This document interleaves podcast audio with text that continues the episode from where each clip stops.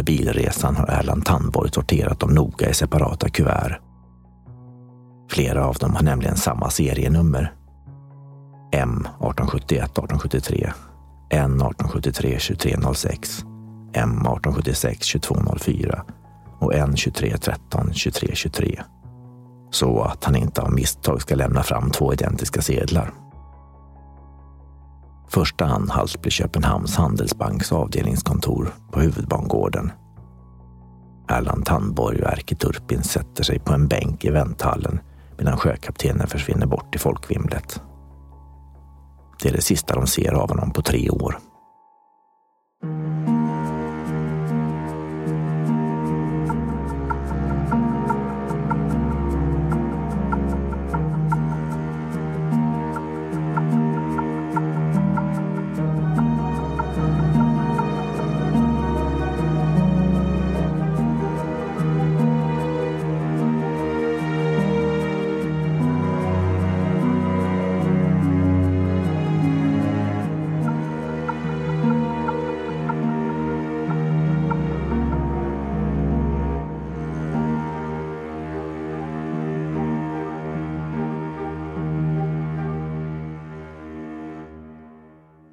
Varje tid har sina brott och varje brott har sin tid.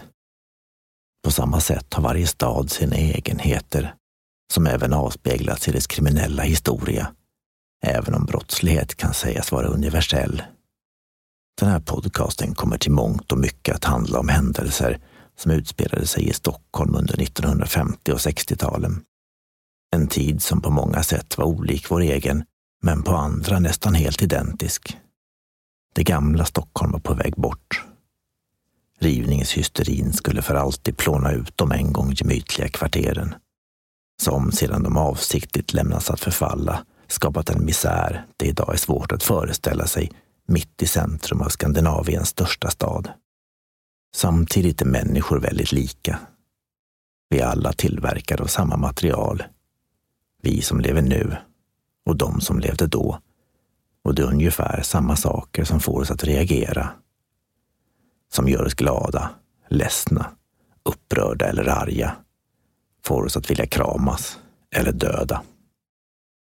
Om dina äldre arbetskamrater, föräldrar eller mor eller farföräldrar försöker intala dig att när de var unga, då var våld på gatorna eller i hemmen okända begrepp. Eller att människor då var ärliga eller världen oskuldsfull tror de inte. Jag som är författare heter Petter Inedal. Producent är Emil Drugge. Det här är podcasten Glömda mord.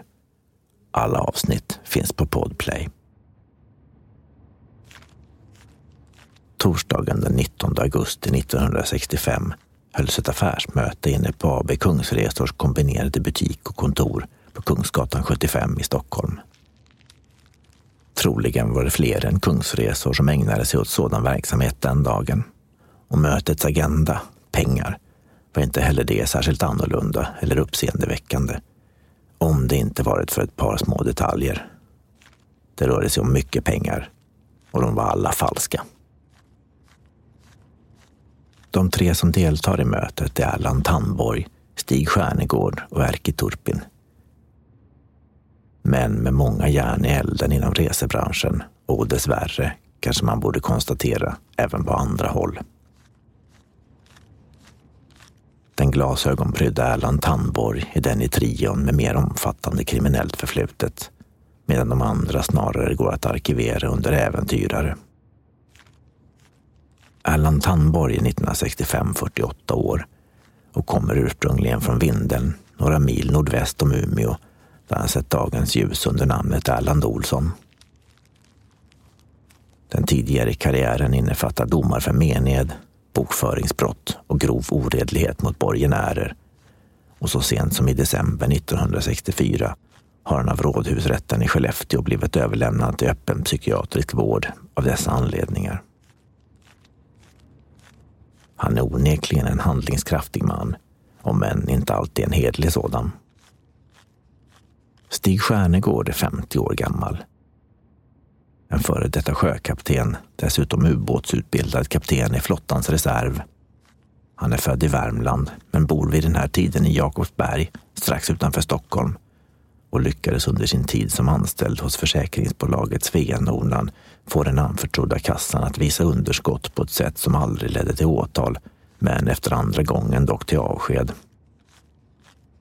På klassiskt sjömansvis har han varit gift både i Sverige och Danmark och som det ryktas även i Polen. Tredje man i gänget är Erkki Turpeinen, oftast förkortad till Turpin. En fantasifull 38-åring från Uleåborg, vilken som barn under kriget tvingats flytta runt mellan Viborg, Korsholm och Vasa innan han 1944, 16 år gammal, hamnar i fängelse efter ett misslyckat rån. 1950 flyttar han till Sverige och den före detta ungdomsbrottslingen tar några år senare jobb som vaktkonstapel på Långholmens centralfängelse. Han brukar berätta att han egentligen är amerikan och heter Andy Turpins och hans konversation förs då på en fantasieggande rotvälska av blandad svenska och engelska. På hans personliga brevpapper står den likaledes Amerika-inspirerade namnformen Eric Turpin och som yrke anges konsulent i marknadsföringsteknik.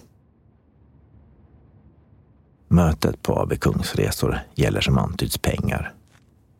Branschen är tuff och trots många uppslag med bland annat hålligångresor för festsugna och sällskapsresor för de lite stillsammare är företagets ekonomi svajig. Så svajig att konkursen endast är några månader avlägsen. Erland Tandborg för ordet. Och exakt vad som sägs skulle de tre inblandade senare lämna så vitt skilda vittnesmål om att man är frestad att tro att de varit på tre helt olika möten. Men kontentan är att han i januari varit i Spanien och där köpt ett större antal italienska 10 000 liresedlar. Priset avslöjas aldrig, men troligen har affären varit lukrativ för både köpare och säljare. Och enda kruxet är som sagt att de är förfalskade. Ett poddtips från Podplay. I fallen jag aldrig glömmer djupdyker Hasse Aro i arbetet bakom några av Sveriges mest uppseendeväckande brottsutredningar går vi in med hemlig telefonavlyssning och, och då upplever vi att vi får en total förändring av hans beteende. Vad är det som händer nu? Vem är det som läcker? Och så säger han att jag är kriminell, jag har varit kriminell i hela mitt liv men att mörda ett barn, där går min gräns. Nya säsongen av Fallen jag aldrig glömmer på Podplay. Erland Tandborg är ingen sedelexpert och inte heller någon dumskalle. Någon vecka efter hemkomsten lämnade han över en av liresedlarna till en affärsbekant, Gottfrid Läggeberger, och ber under förevändning att han fått den via arbetet på resebyrån och nu vill veta om den är äkta, den att ta reda på hur det står till. Gottfrid Läggeberger, som aldrig verkar ha reflekterat över det underliga i att Erland Tandborg själv inte undersökte saken, går några dagar senare in på Skandinaviska bankens kontor på Birger 38 och varken bankkassörskan, kamrern eller en via telefon tillfrågad överordnad hittar något fel med sedeln utan erbjuder sig att växla in den mot 80 svenska kronor, ungefär 773 kronor i dagens penningvärde. Någonting Gottfrid Läggeberger enligt instruktionen dock avböjer. Kusten verkar klar. Men av oklar anledning dröjer Erland Tandborg med sina växlingsaffärer. Kanske är han nervös. Kanske vill han ha ytterligare bevis på att sedlarna accepteras.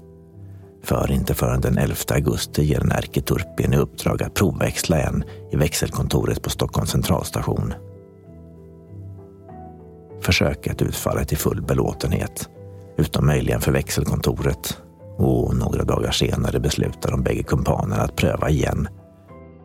Men den här gången med flera sedlar åt gången för att hålla det något ljusskygga evenemanget på lagom avstånd ändrar man söndagen den 15 augusti 1965 Stena-linjens MS Vappen, i annonserna kallad Jätten Finn, för en dagstur till Mariehamn. Under resan går de in på fartygets växlingskontor och växlar fem 10 000 liresedlar. En handling som ger dem 400 kronor. Strax över 3 800 räknat i dagens pengar. Återresan sker för säkerhets skull via Kappelskär med ett helt annat fartyg, en färja med det något fantasilösa namnet SS Ålandsfärjan. Och även här lyckas man växla. Erland Tandborg signerar växlingsnotan för 255 mark med K.E. Olsson, troligen av försiktighetsskäl.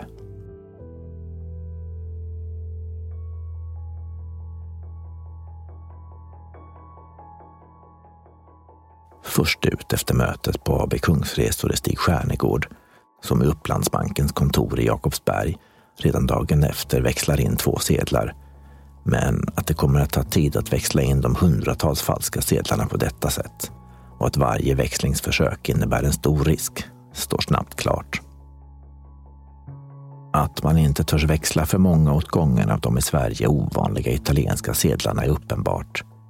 Och inte heller verkar det tillrådigt att springa runt med falsk valuta i det trots allt relativt lilla Stockholm i vars banker man hela tiden riskerar att bli igenkänd varför man beslutar pröva lyckan på annat håll.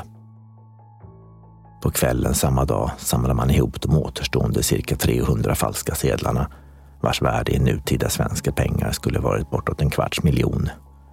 Och trion tar plats i Erland Tandborgs österrikisk registrerade bil med destination mot det, i varje fall 1965, betydligt mer kosmopolitiska Köpenhamn dit man anländer med färjan från Malmö på morgonen den 21 augusti. Det beslutas att Stig Stjärnegård, som ju tidigare varit gift med en danska och därför antas bäst känna landet, under dagen ska gå runt till Köpenhamns banker och växlingskontor för att växla alla de återstående falska sedlarna. Under bilresan har Erland Tandborg sorterat dem noga i separata kuvert. Flera av dem har nämligen samma serienummer. M 1871 1873, N 1873 2306, M 1876 2204 och N 2313 2323 så att han inte av misstag ska lämna fram två identiska sedlar. Första anhalt blir Köpenhamns Handelsbanks avdelningskontor på huvudbangården. Erland Tandborg och Erkki Turpin sätter sig på en bänk i vänthallen medan sjökaptenen försvinner bort i folkvimlet. Det är det sista de ser av honom på tre år. Kassörskan på banken blir genast misstänksam mot de sedlar den svenska resenären lämnat fram. Färgerna ser annorlunda ut. Pappret känns märkligt blankt. Dessutom verkar de mindre än vanligt. Efter någon minuts eftertanke ber hon om legitimation och kallar sedan på polis som griper Stig Stjärnegård. På polisstationen försöker han spola ner de falska sedlarna på toaletten. En sak som dock misslyckas då de inte vill sjunka. För de danska poliserna, som naivt nog låtit honom gå på toaletten innan de visiterat honom, och vars misstänksamhet skjuter i höjden när de hittar blöta kuvert med lika blöta sedlar i hans kavajfickor berättar han hur han inte ett ont anande växlat till sig sedlarna på gatan av en okänd man i Hamburg. En version han skulle hålla fast vid länge och han är inom parentes sagt den enda i trion som försöker skydda de andra.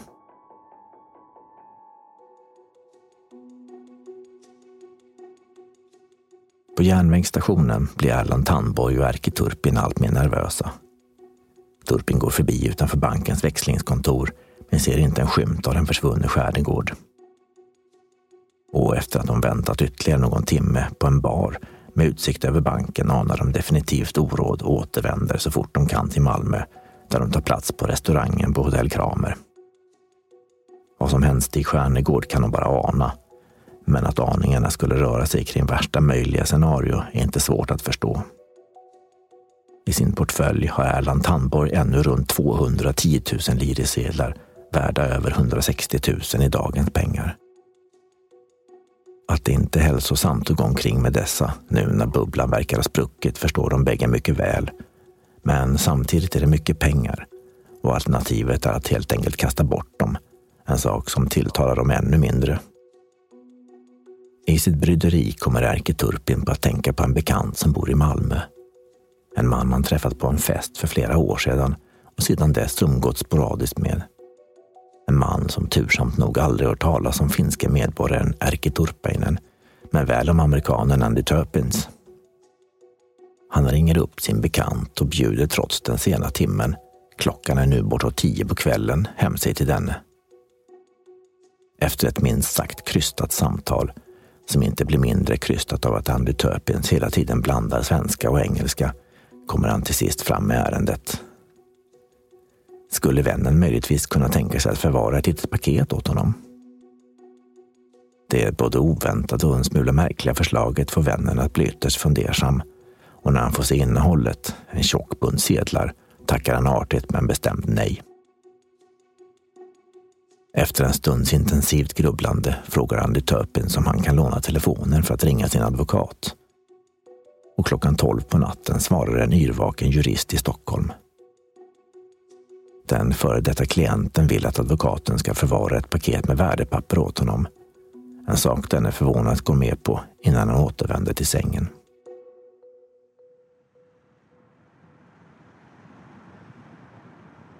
Dagen därpå lämnar Erland Tandborg och Erketurpin Malmö och återvänder via Göteborg till Stockholm. Vid lunchtid den 23 augusti har de hunnit till Köping och i Dagens Nyheter får de sina farhågor besannade då de läser om hur en svensk man häktats i Danmark för försök att prångla ut falska liresedlar.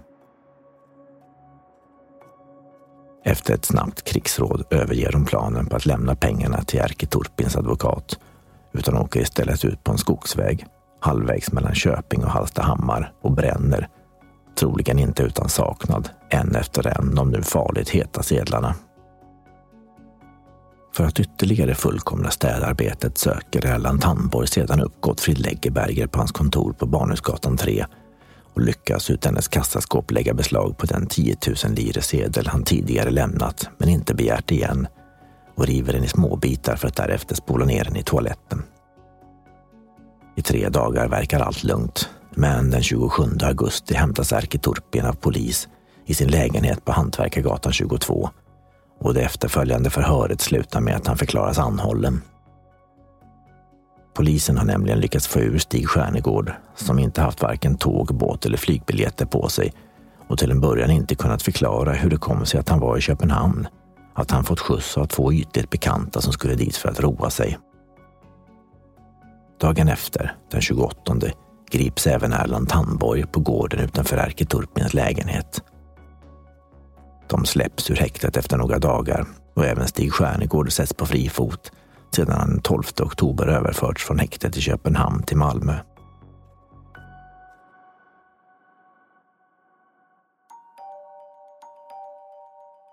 Efterforskningar om de förfalskade sedlarnas ursprung ger inget definitivt resultat. Erland Tandborg hävdar för polisen att han mystiskt hittat dem under en nattresa med tåg då han delat kupé med en hemlighetsfull man av okänd nationalitet. En historia han benhårt håller fast vid, trots att den rimmar illa med den han tidigare berättat för sina kumpaner. Enligt italienska polisen hade falska sedlar med de aktuella serienumren dykt upp redan 1964 men aldrig kommit i vidare cirkulation då de var för klumpigt gjorda. Hur pass bra förfalskningarna egentligen var rådde det dock delade meningar om. Kanske främst beroende på att den som varje dag handskas med italiensk valuta av naturliga skäl mycket väl vet hur den ser ut och känns, medan det på andra håll kunde råda större tveksamhet. I det här fallet visar en undersökning gjord av svenska sedeltillverkaren Tumba Bruks laboratorium att vattenstämpeln var stämplad på sedelns framsida och alltså inte någon riktig vattenstämpel.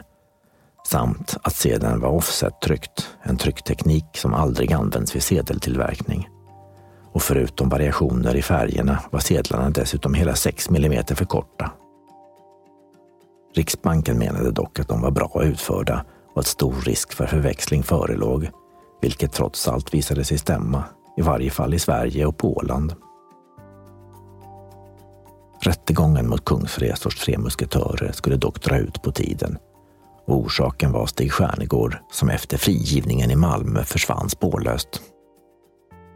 Hans sista kända adress i Jakobsberg visade sig vara en återvändsgränd, åtminstone bildligt talat, och ingen av de otaliga vänner, släktingar eller före detta arbetskamrater polisen kontaktade hade minsta aning om var han var. Ryktet visste dock berätta att han befann sig en här och en där och på så vitt skilda platser som Australien, Spanien, Danmark och England utan närmare precision. Den 19 december 1966 efterlyses han, Men det skulle dröja ända till den 31 mars 1968 innan han efter att ha figurerat i tidskriften Polisunderrättelser igenkänns och klockan 19.30 grips på Grand Hotel i Helsingborg. Det visade sig att han hela tiden fullt öppet arbetat som välavlönad företagsanalytiker på brittiska firman George S. May Limited utan den blekaste aning om att han var efterlyst i sitt hemland. Vid rättegången den 26 april 1968 fälls alla tre. Allan Tandborg för urkundsförfalskning och utprångling av falska sedlar, då bägge andra för enbart det sistnämnda brottet. Märkligt nog kom huvudmannen Erland Tandborg undan med skyddstillsyn med skyldighet att underkasta sig psykiatrisk behandling medan Stig Stjärnegård och Erke Turpin dömdes till vardera tre månaders fängelse. Inte helt nöjda med resultatet överklagar Stig Stjärnegård och Erke Turpin till Svea hovrätt som dock på Gustav Adolfsdagen den 6 november 1968 fastställer Stockholms rådhusrätts dom och så fick det bli. I nästa avsnitt handlar det om ett äktenskap som börjar som en berg och dalbana och slutar med katastrof.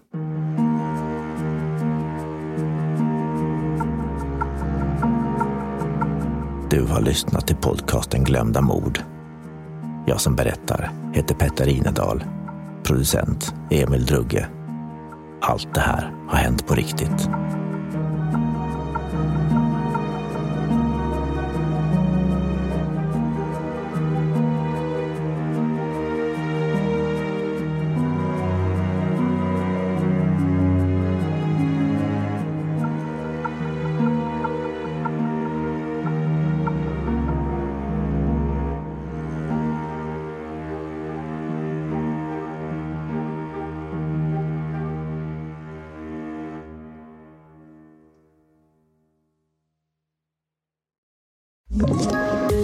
Poddtips från Podplay.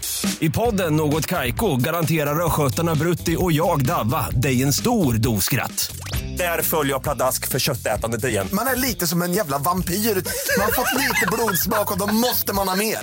Udda spaningar, fängslande anekdoter och en och annan arg rant. Jag måste ha mitt kaffe på morgonen för annars är jag ingen trevlig människa. Då är du ingen trevlig människa, punkt. Något Kaiko, hör du på Podplay. Därför är gardinerna.